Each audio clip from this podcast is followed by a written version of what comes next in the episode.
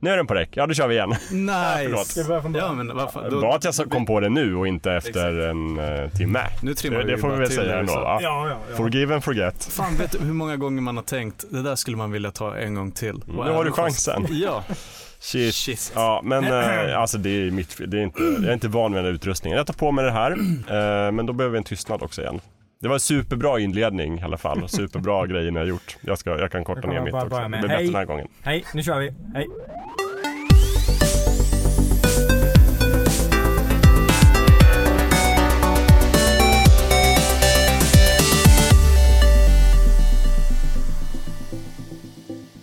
Hej och välkomna till Fulkultur, den sedelärande och folkbildande podden från oss här på Fulkultur helt enkelt. Eh, Det är podden där vi pratar om allt fulkulturellt som får våra nördiga hjärtan och pumpar lite extra intensivt. Eh, Jag heter Andreas Eklöf och med mig sitter Gustav Höglund Jo. och Jakob Nilsson, Närvarande? den ständiga trion. Ja, Jajamän. precis. Eh, idag, Om man med ständiga trior menar att det inte alls är ständigt. Alltså Nej, förra gången nej, var ni så- inte här någon nej. av er. Men Okej, Jakob är den ständiga, ja, jag har inte varit med i alla avsnitt heller. Men ja, ja, ni fattar vad, vad Lövet menar. ja, vi är, vi är olika tillstånd av ständiga.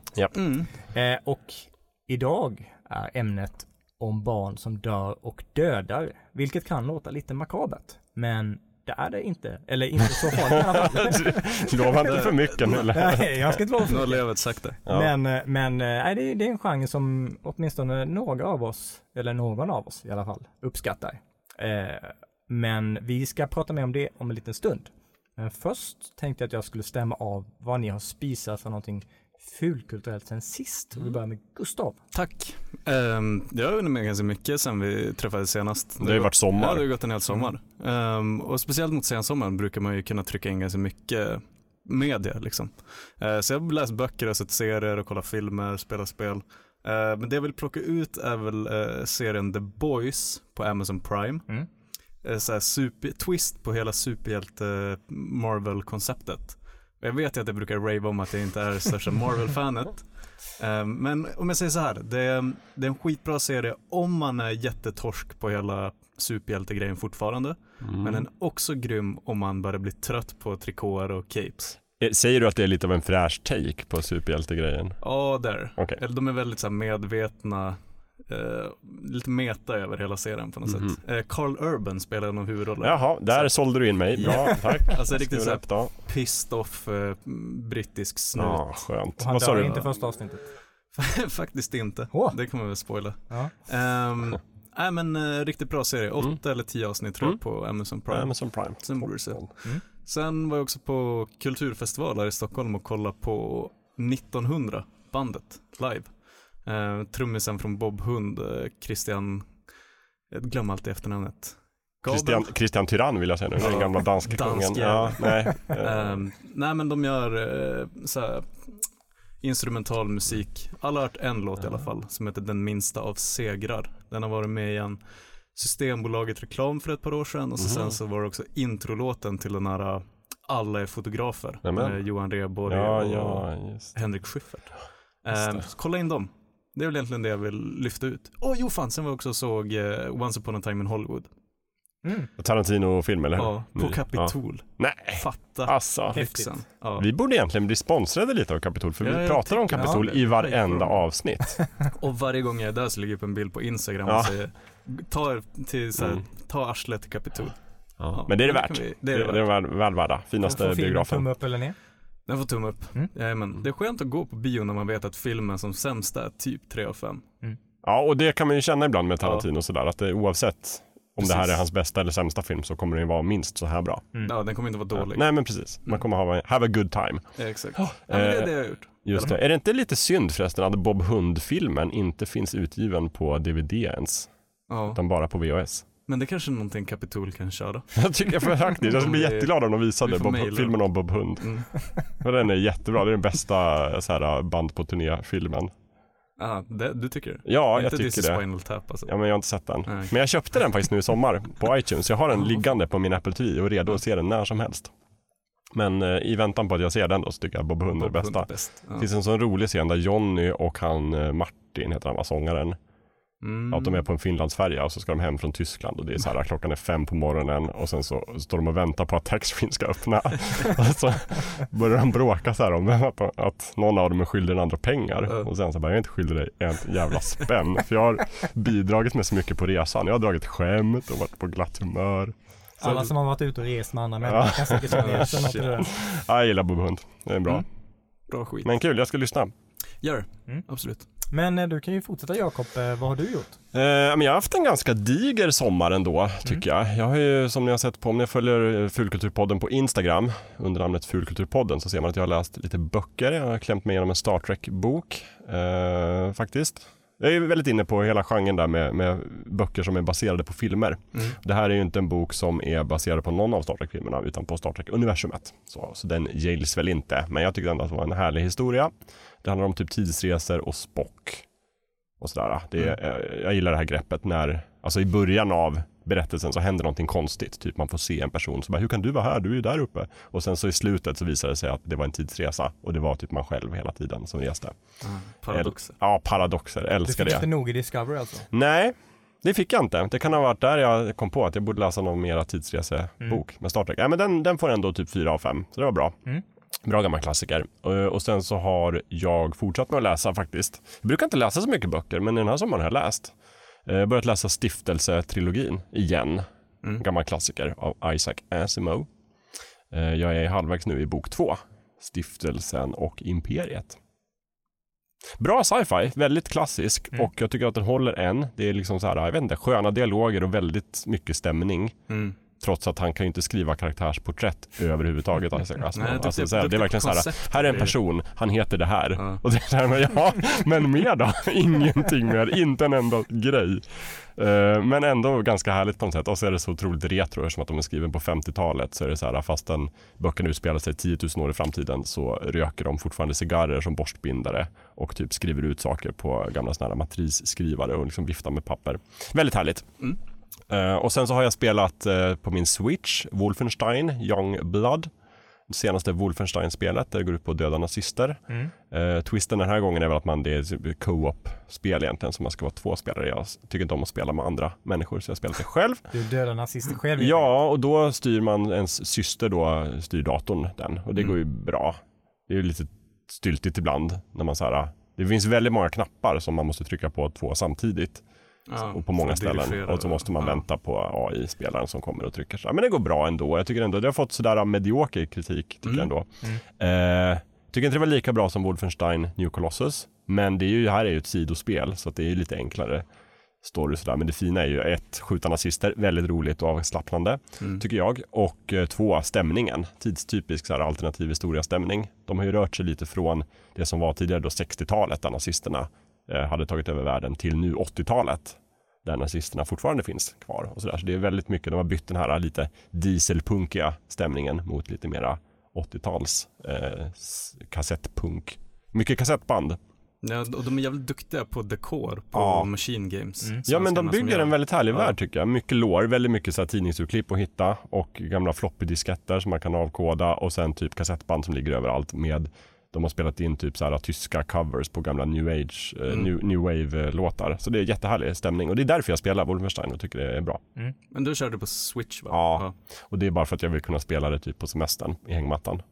Men det funkar ju bra. Det är ju ett Det, funkar jätte, det är jätte, spelen, men det- jättebra portning. Alltså ja. självklart har de eh, skalat ner grafiken och så här, det är fula texturer om man tittar noga.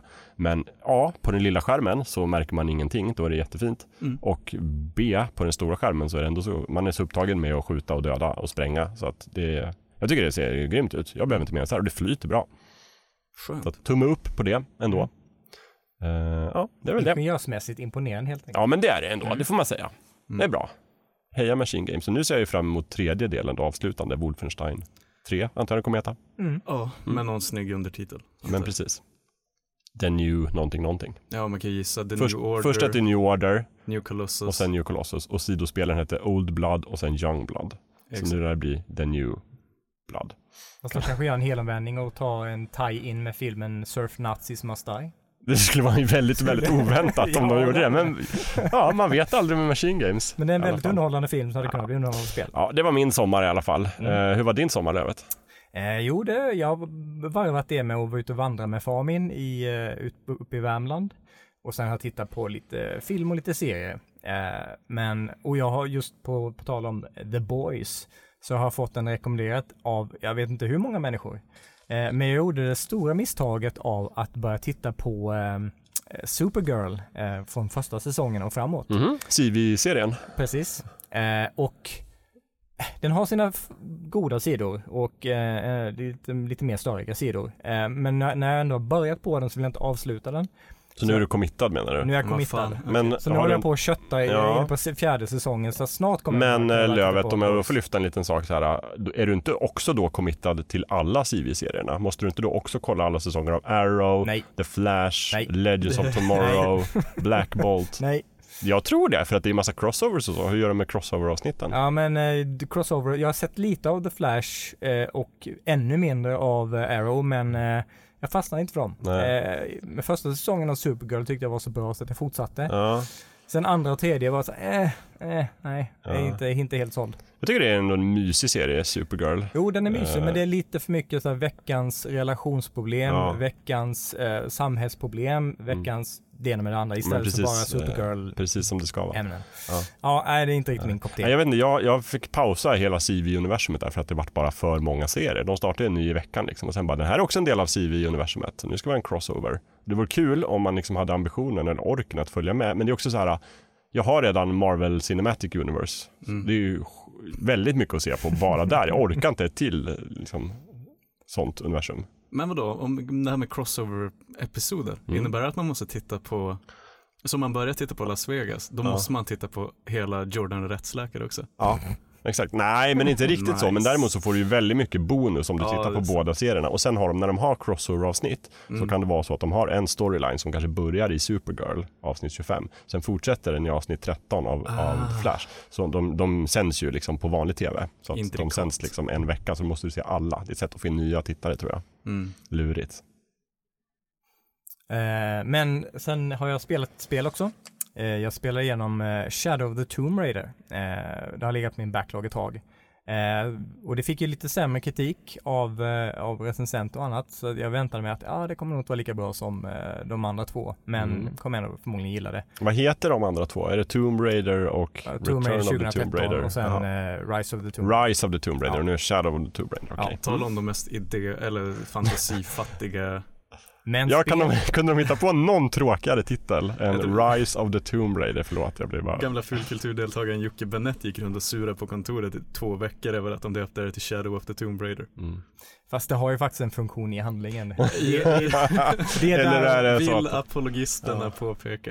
Mm. Ja, ja. det är där hon, eh, hon börjar lära sig att bli eh, Tomb Raider och i Shadow så det är en mörkare handling. Mm. Ja. Eh, så, Jag trodde att det var att hon klev ut ur sin fars skugga liksom. Nej, inte riktigt. Ah, okej. Mm. Men det är ett fantastiskt spel. Jag älskar det. Är det så? Eh, Bättre ja. än de två första? Det, det är mer så klassiskt Tomb Raider, mer fokus på äventyrande, mer, mer av de lokala kulturerna, utforska tombs, Ja. leta skatter och Ja, sådana ja. grejer. Eh, Mycket Tomb Raiding helt enkelt. Helt mycket- ja. mycket är det en dinosaurie med? Nej. Okej, spoilers. Men eh, och Rise var ju mycket mer actionfokuserat. Eh, vilket var jättebra. Men eh, jag älskade Shadow of Tomb Raider. Jag ska vara helt ärlig, jag tappade liksom kollen på Tomb Raider efter Tomb Raider 2. Mm. Där man fick åka snöskoter tror jag. Det, det finns ett par, äh, Tomb Raider 2013, är- det är riktigt.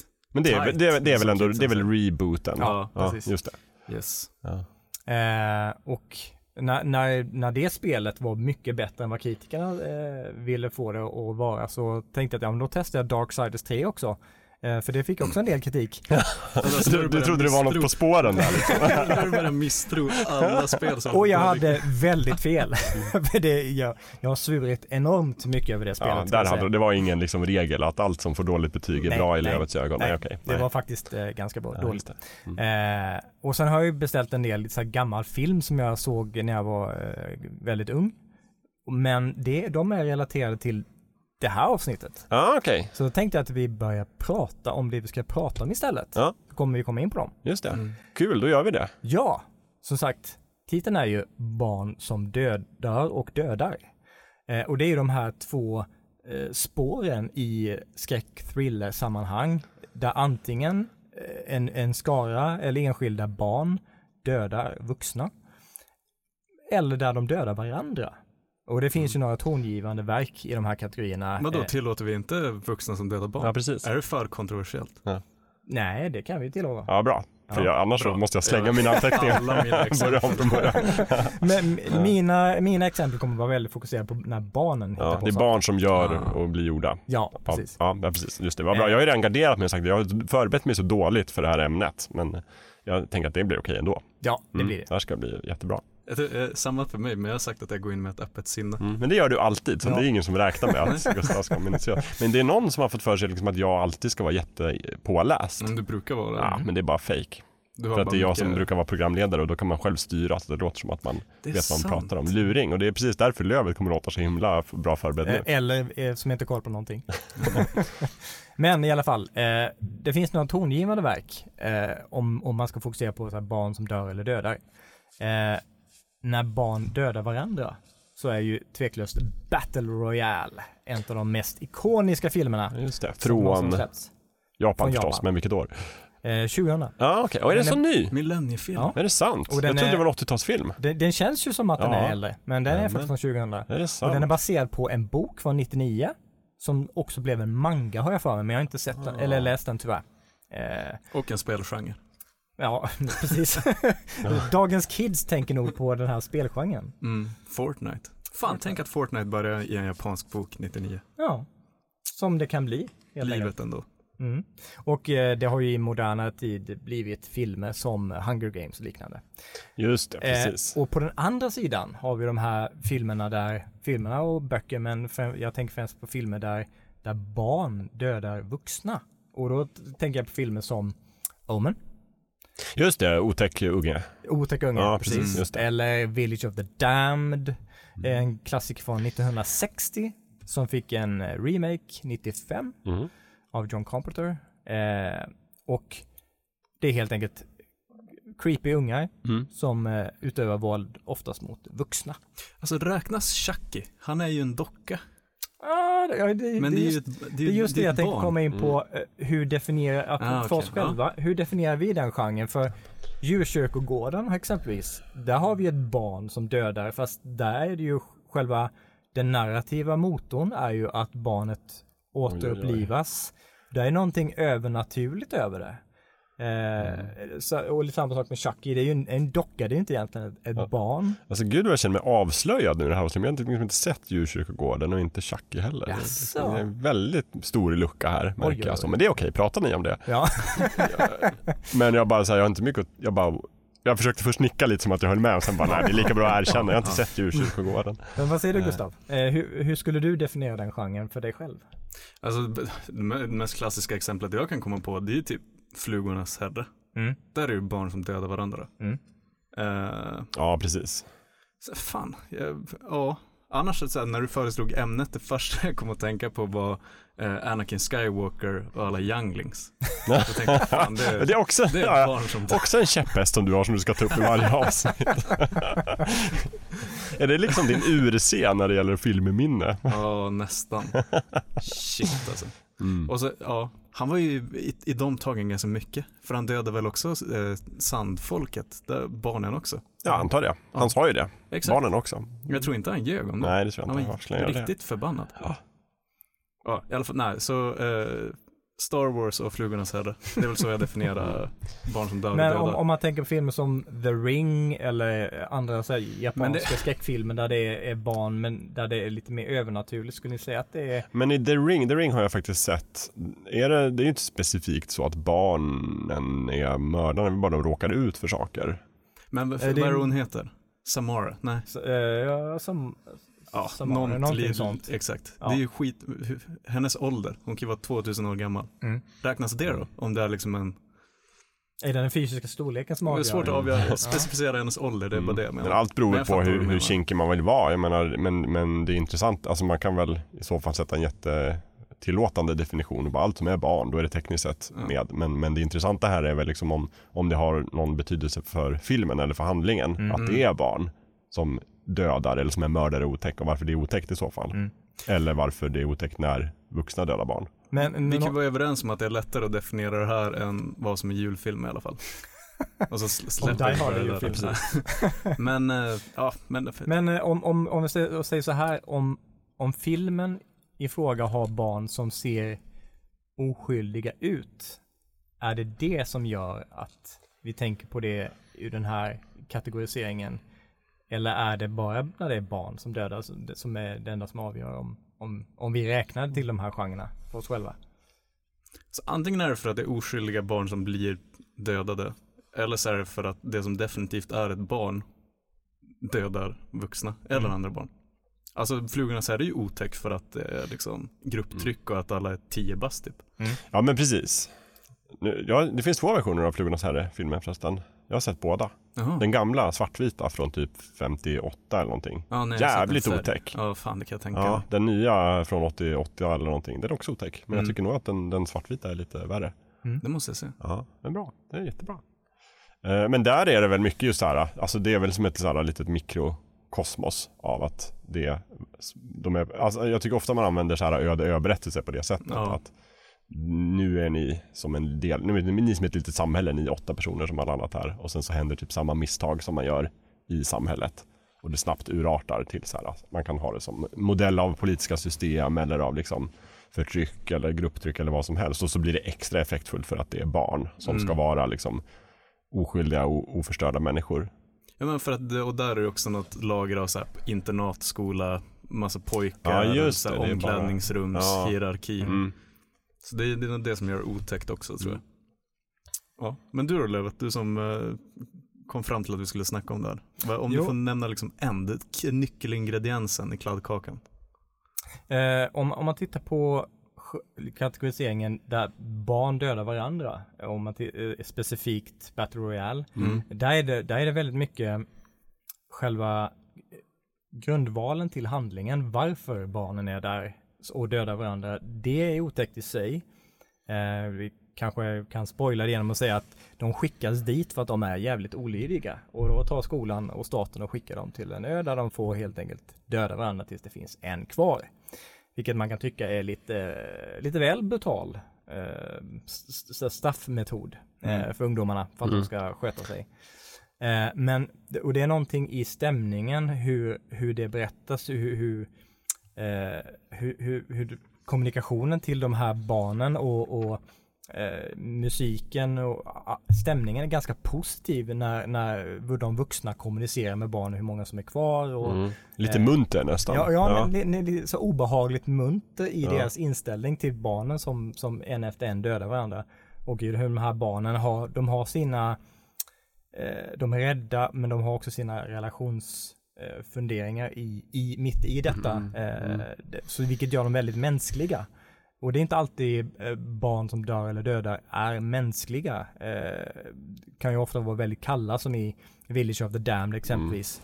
Eh, där det, där, om man tittar på originalet, då förstår man ju förmodligen inte att det här är egentligen utomjordingar som har eh, befruktat mänskliga kvinnor. Så att all, de föder eh, massa barn på samma dag. Oj. Mm. Och de utvecklas väldigt snabbt och Mm. de får ta, så, tankeförmåga, de kan styra människor och hitta på massa dumheter. Ja. Eh, men de ser väldigt oskyldiga ut, Mm. men de, de, är, de är väldigt kalla, känslokalla, medan barnen i Battle Royale, eh, de är högst mänskliga, det, det är barn som Mm. tänker som ungdomar gör, som tidiga tonåringar Mm. Eh, och det är nog det som gör att den är obehaglig ur det, ur det perspektivet. Ja. Eh, Village of the Damned, är, den är mer obehaglig för att de här barnen är så känslokalla. Men det är, man känner inte riktigt med barnen på samma sätt där. Där är det mer de vuxna som man tycker att, oh, det här, det här ska Ja, roligt." men det är väl de två greppen. Alltså båda de här verkar ju som att man är ute efter att skapa någon sorts obehagskänsla eller liksom Mm. skräck. Och då är det antingen så är det för att det, det är otäckt. Vad är det som är otäckt liksom? Antingen är det otäckt för att de vuxna gör saker mot oskyldiga barn. Mm. Eller tonåringar som jag tror jag. Eller så är det otäckt för att det som ska vara oskyldigt och vackert är, visar sig vara ett monster och otäckt. Ja. Och det senare tycker jag är ju lite mera skräck. Men jag tycker det, ja, mera skräck men det är jobbigare kategori A för mig när det är vuxna Mm. som, Ja, jag med. Och alltså särskilt sen man fick barn. Kan jag säga, det är ju så sjukt effektivt grepp. Ja. Att så här, visa ett barn i fara på något sätt i någon film överhuvudtaget, det kan vara hur dåligt som helst. Mm. Så blir det lite så här, "Fuh, lite fuktigt i ögonen, lite så här obehagligt om man Mm. skruvar sig. Eh, jävligt effektivt. Fan, för jag kommer att tänka på ehm, The Wire, där tidigt i säsong ett med Wallace. Just det. Ja, Och när allting är liksom orkestrerat av Idris Elba här, som spelar Stringer Bell. mm, ja. När de säger liksom att nu har ni ett uppdrag, Mm. det är bara att finnas i det. Och så sen så sätter de liksom de här unga killarna eh, mot varandra. Det är ju otäckt för att eh, de kan ju inte, de har ingenting att säga till om för Mm. att de är ju barn. Mm. Eh, och säger Stringer Bell till en att man ska skjuta någon, då gör man det. Det måste man. Så, ja, Mm. och det är väl det, alltså när, när barn blir tvingade att liksom begå sådana handlingar mot varandra. Mm. Men jag, jag håller med och, och anledningen är väl att det scenariot är mycket mer realistiskt för det Ja. sker i verkligheten. Men, Men att, det att djävulen tar över ett barn, det, tar, det sker sällan i ver- verkligheten. Ja, det, är lite mer, det är lite så här spökhistoria av det. Men, Mm. men den här liksom battle royale-greppet i olika grad och med Mm. olika real, realistisk nivå, det sker ju liksom. Mm. Vi gör ju barn till mördare. Ja. Och det är för övrigt en scen i början av skräckfilmen The Witch. Eh, där ett barn utsätts för någonting. Eh, den är tillräckligt ny för att jag inte ska spoila den men där, det, utan, den utan tvekan mest obehagliga scenen i den filmen är när ett barn utsätts för någonting. Eh, och det, det är någonting visst i det. Jag har inte barn men jag tycker ändå att just den scenen det var, usch, det sög, sög rejält i magen och se den.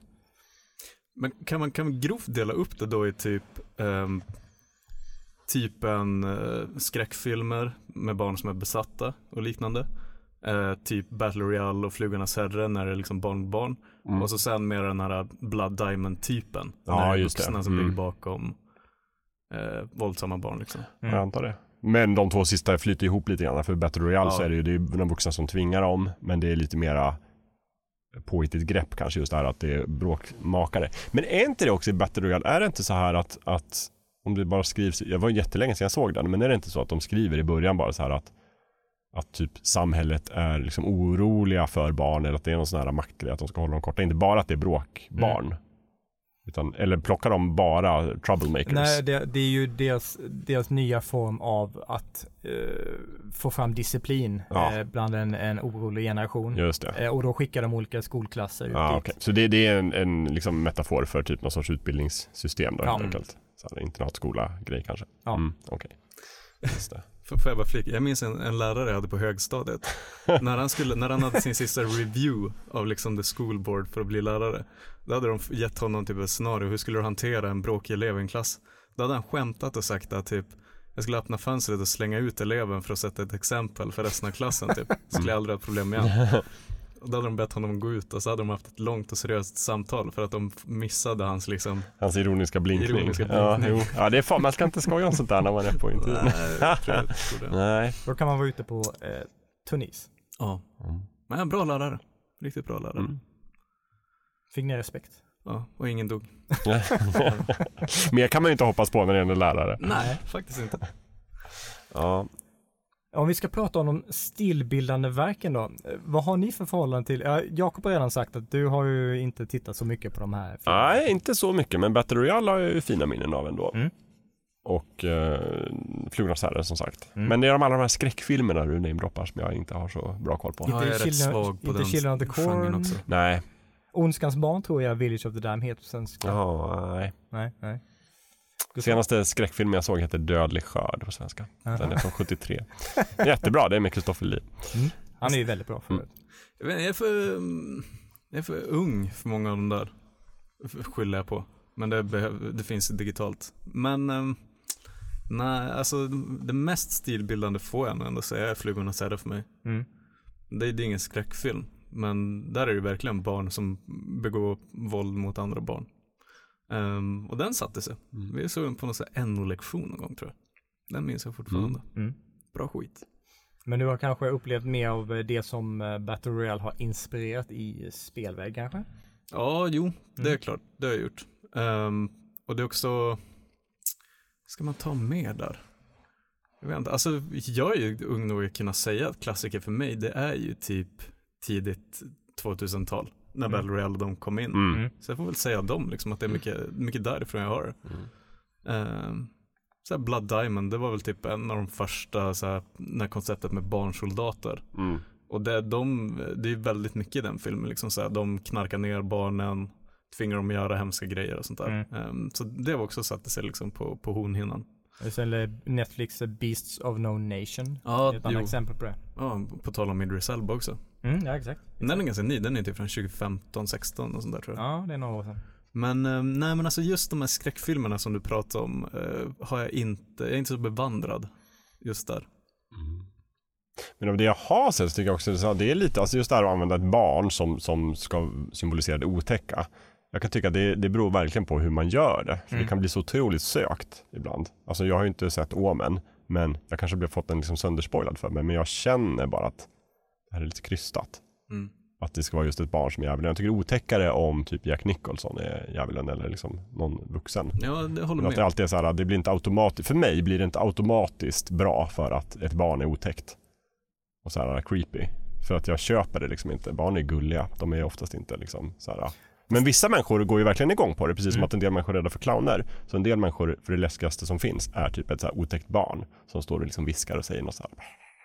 Mm. Mm. Jag skulle säga att det är just när de, när de ska vara otäcka fast de, de ser väldigt söta och oskuldsfulla ut. Mm. Det är då det blir som mest effektivt. Som i Omen exempelvis. Ja. Eh, Damien, eh, skådespelaren som spelar honom, det är en liten gullig eh, pojke med stora ögon Mm. som, som ser ut som var vilken, vilken snäll unge som helst. Ja. Och sen är han besatt av djävulen och, Ja, det och tvingar folk att hoppa ner från, eh, från fönster och hänga sig Just och det. annat. Ja, det är klart. Jag, jag ska ju inte såga den filmen såklart, som att jag inte har sett den. Det är väl bara mer så här hur, hur lockad jag är av greppet. Mm. Men eh, ja, det är klart. Som sagt, gör man det bra så är det ju jätteotäckt. Mm. Men jag tror man måste få in den här liksom, psykologiska liksom, kilen någonstans. Så. För vissa människor, det är precis som en, vissa människor ser en clown och blir jätterädda. Mm. Andra ser ett otäckt barn och blir jätterädda. Det är inte jag. Nej, fan jag är Team Nilsson där också. Oj. Det blir inte per automatik läskigare för att Nej. det är ett barn. Men gör man det rätt så kan det ju bli jätteotäckt. Nu när du bara berättade det där om att Mm. det inte bara är en bild på ett läskigt barn som är besatt av djävulen utan också så här barnet tvingar honom att göra Mm. otäcka saker. Då var det plötsligt lite, lite, lite tyngd här. Ja, eller jag tror det är remaken av Village of the Damned från eh, John Carpenters från 95 Mm. där barnen tvingar en, en kvinna att stoppa, eller ja, det gör väl originalt också för förvisso, stoppa ner armen i eh, kokande vatten. Det är ju Och det är väldigt jätteobehagligt. Ja, obehagligt. Ja. det får man säga. Det är Mm. verkligen obehagligt. Det är inte myspys. Så det kan jag rekommendera att ni Mm. tittar på om ni inte har sett Ja det. men då gör jag det. Då köper jag det rakt av. Alla avsnitt av Fyllkultur slutar med att Ja. Nilsson har en lista på 50 filmer som man ska se. Ja, det gör jag faktiskt det. Jag har en lång, jag, har, jag upprätthåller en egen lista bara på Fulkulturtips faktiskt. Mm. Som jag ska titta på. Eh, men det finns ju också, apropå den här andra delen då, där barn görs till mördare.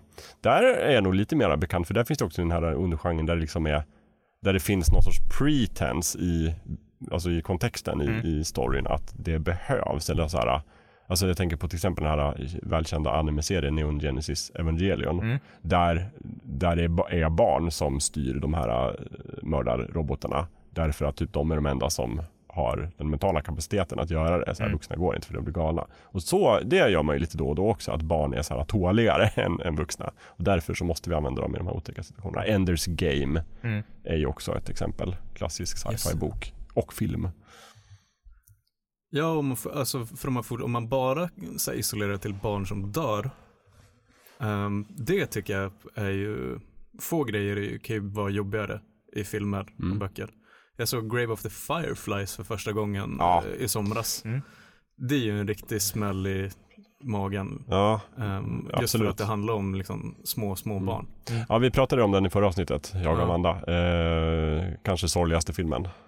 Mm. Ever i princip. Men jag grät inte, jag är ett Nej, monster. Men det bara kände, kände du inte lite död då? Liksom, Ja, ja. dead inside. Mm. Det var mer att jag var deprimerad en Mm. vecka Ja men precis. Den Mm. sänker den. Men det var, ja, det är mera liksom, per automatik är det nästan jobbigare när, när det är barn Mm. som råkar ut för hemska grejer. Tycker jag. Så Grey of the Fireflies får jag nog räkna in som en sån stilbildande, Mm. även om jag såg den först nu i somras. Mm. Den är väl från 80-talet kanske? Mm. 86 tror Ja. jag. Kom ju samma år som Min granne Totoro. Ah, right. Som är en av deras muntraste filmer. Mm. Så, de gjorde båda på ett snöre. Mm. Eh, The Omen kan man ju, har ju förut varit väldigt stilbildande just med att etablera 666 som eh, number of the beast. Eh, i det, den kom 1976. Ja, just och där har det. de den här, tat- eller inte tatueringen men eh, barnen som, eh, som har eh, de här tre sexorna i, eh, i, på huden. Eh, där kan man ju se att, ja men eh, de, det här är djävulens Ja, det- det- De mår inte bra. Nej, Nej. det ser man ju tydligt. Det står ju i Bibeln också att 666 Ja, djävulens tecken. Så det är bara att kolla där och så ser man på nacken. Den bara, Ja, eh, och, och den, den filmen, dels så gjorde den ju 666 populärt som Mm. Number of the Beast i populärkulturen. Just men det. också namnet Damien som ett ondskans namn. Just det. Eh, för det var ju inte riktigt, eh, det, fanns ju inte på radarn tidigare. Nej, precis. Stackars Damien Rice. Ja, stackars. Och Damien Lewis. Och för övrigt så blev ju också eh, kristna eh, uppskattade ju den filmen för att eh, den, eh, den lyfter fram eh, skrift, eh, skriftläran, Ja, de kristna det. texterna. De, de i rampljuset så att de, de otippat nog så gillade kristna Omen. Ja, nej men det, de bara visst det här är, Ja, det det- makes sense, det här håller. Story Checks- checks, out. All PR, Bra. PR. Ja, Ja. precis. Men eh, och jag tänkte också det, det här med att eh, barn som är besatta eller på något sätt eh, eh, agerar utifrån någonting som inte är mänskligt. De har ju inte varit populära på ganska många år nu. Men eh, själva Battle Royale-genren Ja. fick ju ett jäkla uppsving med eh, Hunger Games. Eh, Ja. Det gar- definitivt. Vad tycker ni om de filmerna? ja, men jag gillar Hunger Games. Eh, vet inte varför egentligen. Men, eh, men jag tror mycket så här att jag såg det i rätt situation och bara hade väldigt trevligt eh, före och efter under biobesöket och sådär. Att det vart liksom en liten grej sådär. Fastän jag kände att det kanske inte är en film som är gjord för mig, liksom för min Nej. årsgrupp. Utan, ja, men precis som jag kände med Harry Potter-filmerna, att det här är ett fenomen uppenbarligen och jag kan njuta av det för att jag är så barnslig. Men jag är uppenbarligen för gammal för det här egentligen. Så kände jag nog med Hunger Games också. Mm. Men sen faktiskt efter första och andra filmen så läste jag boken. För att jag tänkte nu vill jag ha slutet på storyn. Så då läste jag boken i väntan på de två sista filmerna. Mm. Eh, och eh, tycker att boken var mycket bättre än Mm. de två sista filmerna. Som lite spårade ur. Ja, det tycker jag. Men den är ju faktiskt också så här att man blir lite förvånad över hur mörk den är ändå. Mm. Med tanke på att den ändå är till unga vuxna, eller young adults. Ja, Det Eh, tänkte jag faktiskt när jag såg andra och tredje filmen, framförallt eh, twisten mot slutet Mm. i, i tredje filmen. Eh, då tänkte jag aktivt, det här var nog mycket bättre i Mm. böckerna. Jag har inte läst böckerna, Mm. men jag tänkte faktiskt det, det, här, det här var förmodligen bättre i Ja, böckerna. nej, men vad heter nu sista boken? Mockingjay Mockingjay. kanske. Precis. Jag tyckte nog att det var en väldigt stark bok i slutet. Mm. Så här, det var verkligen så här ett riktigt blekt och mörkt slut. Och var så här, men, och, men, men det är också lite det, om man använder grepp med barn som protagonister så blir man ju lite lurad då för att man antar någonstans att nej men de kommer inte göra något hemskt, allt för hemskt mot barn. Nej. Mm. Och så gör de det och så känner man sig liksom så här, det är väl lite det greppet man är ute efter också kanske. Ja. Att de ska rycka undan mattan för läsaren. Men Ja. i, i filmerna, tyckte ni det var så obehagligt i Hunger Games? Nej. Nej, det är just det, det var det, den stora skillnaden jag ty- tycker mellan exempelvis Battle Royale är att jag kände aldrig någon gång under de filmerna att oh, det här, det här är obehagligt. Det var eh, snyggt producerad Hollywood-produktion men det Mm. fanns inte riktigt några känslor i när de här barnen Men gjorde saker mot varandra. Nej, men, men Hunger Games är väl också liksom lite mera alltså sökt produkt på det sättet. Alltså de har ju byggt in väldigt mycket känslor och relationer och sådär. Det känns lite mycket som att de har skrivit den för att det här ska vara som Battle Royale fast liksom det ska också tilltala den här publiken så vi bygger in Mm. lite kärlek. Mm. Och det ska tilltala den här publiken så vi bygger in, alltså, den, alltså Men jag vet inte om det var så hon tänkte, Susanne Collins när hon skrev dem men Ja. Alltså för filmer i alla fall, det är inte så att man tänker hoppla, där tänder de på gränserna. Och det där var mörkare än vad jag trodde att det skulle vara. Nej. De är ju, det är lite som så här, Harry Potter-filmerna och böckerna. Eh, de kom ju undan genom att vänta med att döda alla kids till sista filmen ja, jo, när de hade barnen fick växa upp lite precis. med böckerna först. Ja. Och då gör det inte lika, lika mycket liksom. Nej. Ehm, så det är, det är en klar skillnad på när, när kidsen är 10-12 Mm. kontra young adults. Mm. Ehm, så Ja, jag, det- alltså inte så mycket sånt obehag i Hunger Games, men skulle ljuga om jag säger att det inte blir mer spännande för att de ändå är tonåringar. Mm. Och det blir ju det av någon anledning. Mm. Men jag tänker också att om man jämför Hunger Games och Battle Royale så känns det ju som att det som är stora skillnaden där är att de verkar ju vända sig till helt olika publiker. Alltså Ja. Hunger Games vänder sig till ungdomar. Det är en Exakt. ungdomsfilm. Medan Battle Royale känns som en film för liksom vuxna. Som handlar om, om tonåringar. Eller? Ja, alltså jag skulle säga att den har ingen tydlig publik utan den vill, den vill förmedla någonting. Mm. Eh, en, en känsla, en, en, en liksom ganska makaber eh, berättelse. Mm. Eh, Så det, den, den känns inte sökt eller formulerad för någon specifik grupp. Och det är som du säger, Hunger Games gör ju verkligen det. Det känns ju som Mm. att det här är young adults Ja. och med folk med lite yngre eh, läggning. Som Mm. kanske Ja men precis, och, och de plockar liksom ingredienser från andra verk som är så här spännande, Mm. typ så här en, en dystopisk framtid och liksom ja, Battle Royale-spåret med liksom tävling och sånt. Det är ju henne inte, liksom inte huvudfokuset sen ganska Nej. snabbt i böckerna utan kommer mer att handla om liksom revolutionen och allting sånt där Mm. som också är spännande. Ja, det är egentligen bara första filmen som är Battle Royale Ja. fokuserad. Ja. Sen faller ju det ganska snabbt. Mm.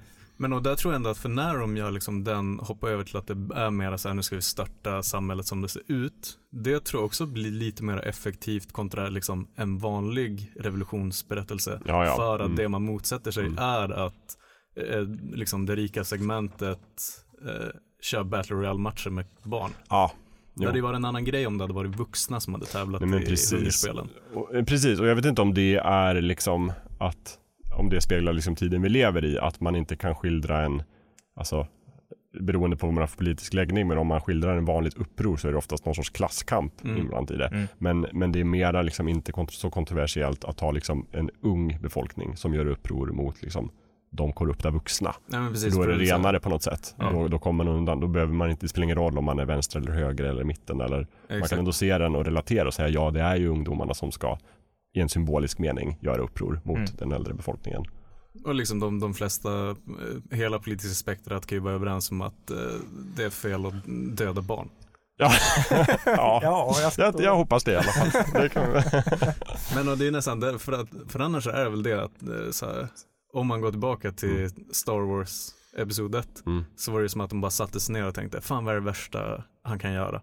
Ja men typ döda barn. Ja men okej, då får han döda barn. Mm. För att göra det så här, riktigt rub it in att nu har han blivit ond. Ja, nu blir han precis. Darth Vader. Just det. Mm. Så Och det är helt- ja. Man kan inte backa från att ha ihjäl ett rum med younglings. Nej, det är sant. Det, det är inte så mycket utrymme där. Liksom, dödar man ett barn så är man ond Ja, i, ja. en, i en film. Så det är alla överens om. Det blir väldigt tydligt. Det, det är Mm. klart, det är ett bra grepp att dra upp. Sådär. Istället för att hålla på med massa nyanser och liksom så här, man har sina skär. Låter det, låter det gå långsamt. Ja, precis. Så jag kan förstå. Varför. Nej, bara, nu, nu har du gått Här är den moraliska horisonten och nu har du gått över den. Så nu är barnet dött. Mm.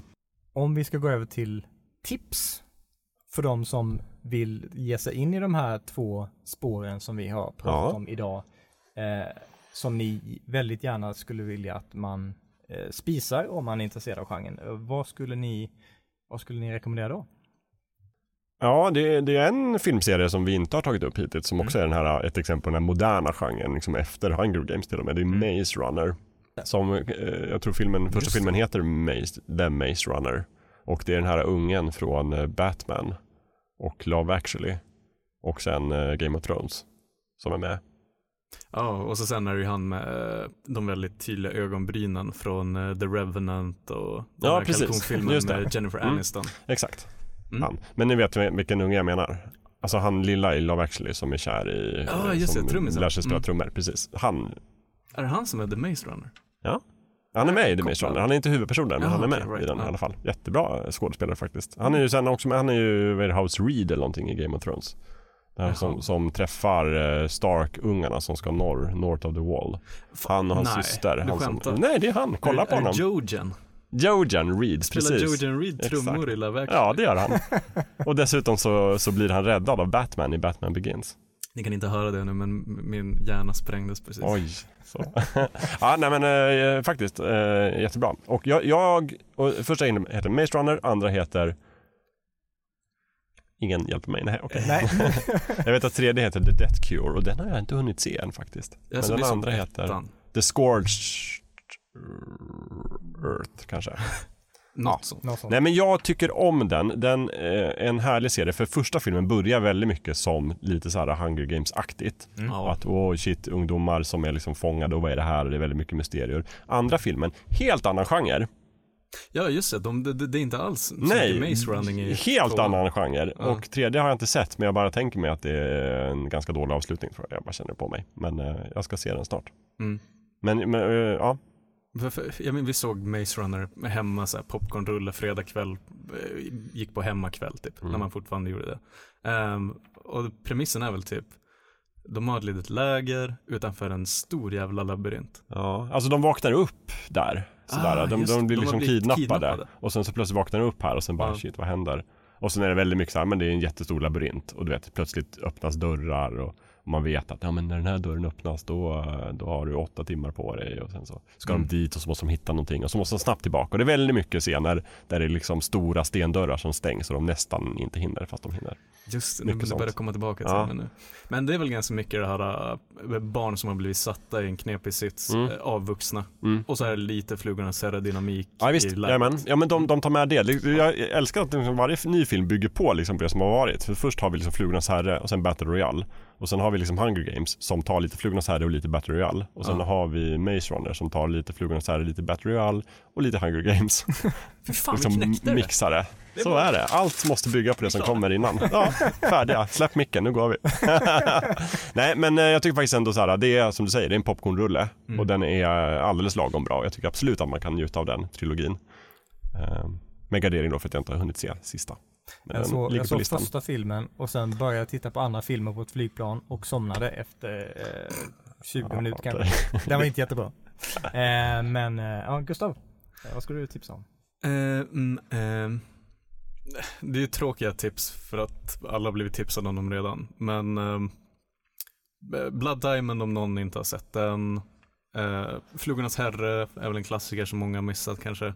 Jag, skulle se den svartvita nu när Mm. jag Ja, gör det. om. Mm, om det går att få tag på den. Ja. Eh, annat sånt där, eh, om någon har lyckats missa The Wire också. Det är ett bra Ja. exempel på liksom just det otäcka i att eh, ungar måste göra det vuxna säger. Mm. Och när de vuxna är grovt kriminella så är det oftast lite hemska grejer de blir tvungna att göra. Mm. Eh, så är det de. Eh, jag sk- skulle vilja rekommendera dels en jag har pratat om och eh, en, en närbesläktad film. Eh, dels är det Village of the Damned eh, som Just. är föregångaren till Carp- Carpenters eh, film från 95 som förmodligen är mycket mer känd. Eh, den, är ju, den kommer som sagt från 1960 eh, och filmen berättades på ett lite annorlunda sätt då. Eh, det är inte lika snyggt polerat och de kan ha så konstiga swipes mellan scener där folk skådespelarnas dialog fortfarande är igång när de sveper över till andra scenen, vilket är kanske lite speciellt. Men, men det, det, det är inte polerat på ett sätt som gör det ganska unikt. Eh, Själva filmupplevelsen och slutet är väldigt abrupt och eh, det är annorlunda än vad man brukar uppleva på den sortens thrillers. ehm, och, moderna filmer där barn eh, gör elaka saker mot vuxna. Och den har en syskonfilm som heter Children of the Damned som också är väldigt bra. Mm. Jag beställde dem nyligen på, på Blu-ray för jag hade, jag hade inte sett dem som jag, sen jag var liten så jag var tvungen att fräscha på Ja. minnet. Höll de måttet? De höll måttet. Jag gillar fortfarande dem väldigt mycket. Så de kan jag rekommendera varmt. Eh, Får jag slänga in Hereditary också? Har, ni, Ja. sett, har ni sett den? ja, Nej. den är jättebra.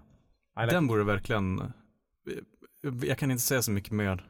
Nej, Nej men det så- räcker bra, se den. Ja, Men eh, för det är ju för övrigt den bästa skräckfilmen Hereditary. på tio år. ja, Ja. kanske, den borde, faller ihop lite på slutet kan jag tycka, men den är jättebra. ja, Tony Collette är fantastisk. kanske borde kolla lite på skräckfilm då. Mm. Kanske det ska bli en skräckfilmshöst. Varför inte? Varför inte? Varför inte? Man måste ju liksom fylla den luckan. Och The Boys. Mm. Och The Boys, ja, ja absolut. Mm, Båda det är två. klart. Mm.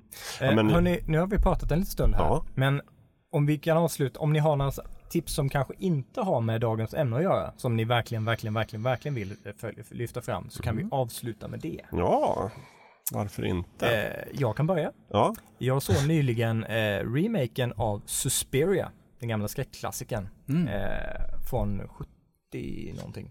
Eh, eh, och originalet är så visuellt, berättandemässigt väldigt speciell och kreativt unik. Eh, men lite opolerad, eh, handlingen är inte jättetydlig eh, första gången man ser den.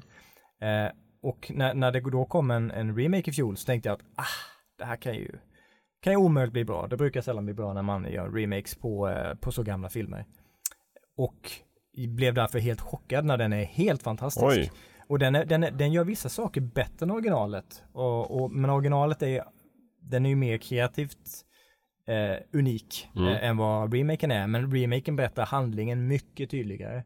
Eh, och eh, skådespelarna gör helt fantastiska insatser. Mm. Eh, Tilda Swinton gör, spelar två roller. Dels en, en kvinnlig huvudroll, eh, en av huvudrollerna. Och sen spelar hon en äldre, äldre gubbe. Så hon har liksom prostetisk Ja, shit, men hon är ju över fantastisk på det där.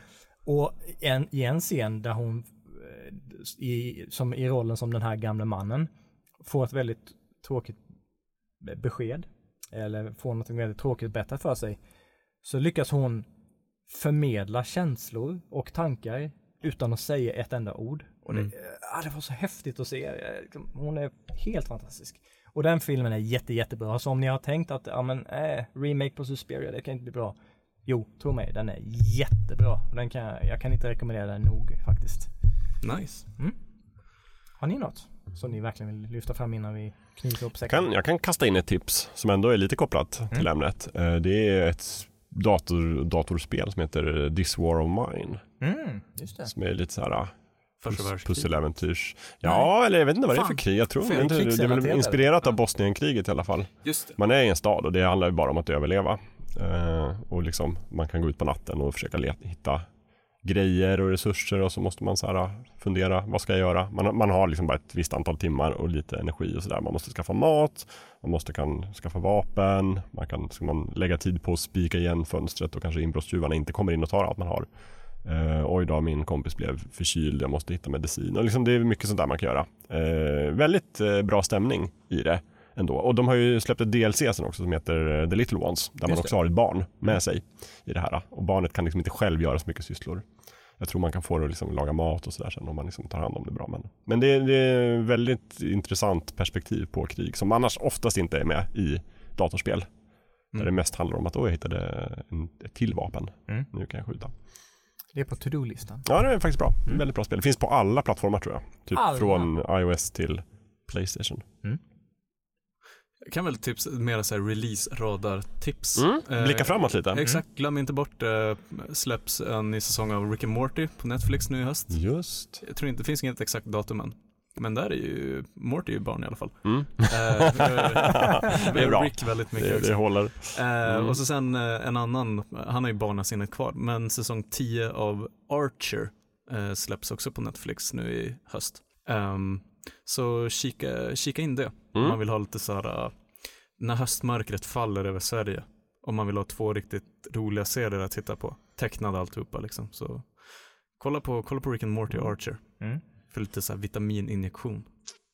Kan jag kasta in The 100 också? Där är det nästan, det är ju många ungdomar i alla fall, kanske inte barn specifikt, men ungdomar som, eh, som måste döda varandra och andra för att överleva på jorden när den är sönderstrålad Oj då. i framtiden. Mm. Den är ganska bra. Den är klart värd att se i alla fall faktiskt. På tal om radarn så kan vi också blicka framåt eh, mot, det har ju kommit lite ny info om nya Amazon Prime-serier som är Mm. på gång här. Ja, oh, just det. Amazon öppnar ju plånboken på lite olika projekt, bland annat då Sagan om ringen, Mm. vad den nu kommer heta. Och hur den kommer utspela sig var och när och vad och varför. Den får inte handla om eh, Peter Jacksons film i alla fall. Eh, nej, men den, eh, precis. Men eh, det, det verkar finnas mycket lore. De verkar lägga otroligt mycket pengar på Mm, att mm. få det liksom prestigefyllt. Men sen har de faktiskt ett annat episkt fantasyprojekt på gång som är The Wheel of Time. Alltså Åh, Robert Robert Jordan. Jordans gamla Mm. liksom, ja, enorma serie av jättetjocka böcker. Ja, Där han allt mindre händer. att Nej men precis, den. den liksom överlevde honom. Och skrevs sen klart av eh, Brandon Sanderson. Men eh, klar blev den i alla fall. Och nu ska det bli också serie på Amazon Prime. Och där har de faktiskt släppt eh, rolllistan på huvudkaraktärerna. Eh, och det var, jag blev ändå ganska nöjd för att det var inga namn jag kände igen. Mm. Det var verkligen så här, den här Skönt. personen har spelat teater i en liten Mm. gränd i London. Så det är precis så jag vill ha det. Jag vill inte liksom ha superstora namn i det. Men däremot så vet jag inte, jag är lite orolig för att de lägger alla pengar på Sagan om ringen och typ för lite pengar på Wheel of Time. För det Ja. är, jag gillar bokserien väldigt mycket. Den har följt med mig liksom sedan jag var tonåring. Och jag vill väldigt gärna att det blir en bra, påkostad serie. Och blir det inte det så blir det som The Shannara Chronicles, nämligen Mm. skit. Och eh, det är ju ett spektakulärt misslyckande i så fall. Mm. Risken är ju mycket större att den blir såsig än eh, eh, Sagan om ringen känner jag. Ja, alltså det, jag vet inte. Jag kan tänka mig att det är så olika stil på dem. I min perfekta värld så är ju Sagan om ringen, det här liksom saktmodiga, eh, väldigt prestigefyllda, väldigt påkostade, lite så här lite brittisk långsam stämning. Där de liksom verkligen kan låta intrigerna och stämningen såsa in. Mm. Och Wheel of Time är deras lite mer så här actionfyllda, angstfyllda eh, liksom serie. Mm. Så att den, båda ligger på liksom varsin sida av Om Game man of tittar Thrones på den någonstans. st- stora publiken så är inte Wheel of Time lika namnkunnigt. Och då kan man ju fundera på vad, vad gör de för att den ska gå bra? Kommer de anpassa sig till en, en bredare publik och då kanske inte göra en lika bra produkt? Eller kommer de verkligen kunna fokusera på att göra den trogen Jag serie? tänker mig att anledningen till att Wheel of Time vart så framgångsrik som bokserie var att den var väldigt tilltalande för folk som liksom, tyckte om att läsa liksom, actionfyllda berättelser och så här. Sen byggde de på liksom, bit för bit så blev världarna mer och mer liksom, fyllda med, med sidospår och fler och fler karaktärer och liksom, till slut så fastnade den och föll under sin egen vikt. Men jag tänker tänka mig att en tv-serie som liksom tar bort en del av liksom, dödköttet från den serien kan bli riktigt, riktigt bra. Om de lägger, eh, om de gör det med smak och Mm. stil och eh, lägger till mycket pengar på effekter. Mm. Jag hoppas det.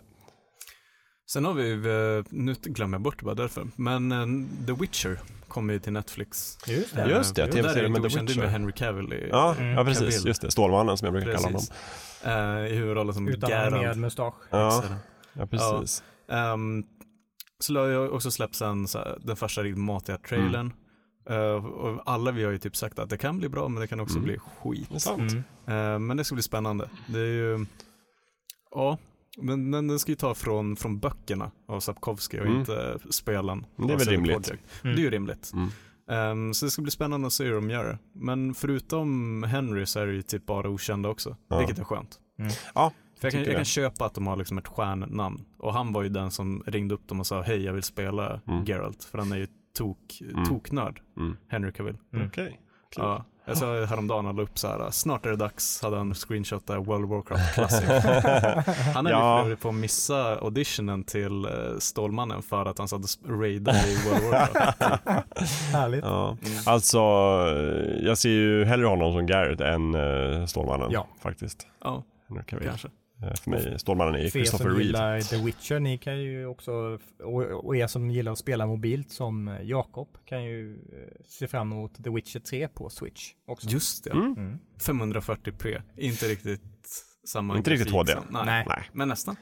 Men det är ändå Witcher 3 i din nästan, Ja, nästan ficka. spel. Då fick vi med den också. Mm. Ja, härligt. Precis. Det Det blir Det blir, Jocke Benett stolt. men det blir en fantasyfylld framtid då. Mm. Ja, det passar ju bra nu när, när Disney äntligen har lite, lite, lite uppehåll med Marvel-filmerna. Ja, exakt. innan nästa En fas kort, kort respit innan nästa. Håll om mig. Nej men vad säger ni, ska vi knyta upp säcken där? Ja, Ja. ja. Tack för att ni har lyssnat. Och verkligen. Jättetack. Ja. Och glöm inte att eh, prata med oss på Instagram, Fulkulturpodden, Facebook, Fulkulturpodden och ja, Mm. sådär. Tipsa och, och länklistan kommer ut på Tumblr, Fulkulturpodden. ja, Nice. till nästa gång. Ha det så trevligt. Hej då. Ja, puss och kram. Hej hej!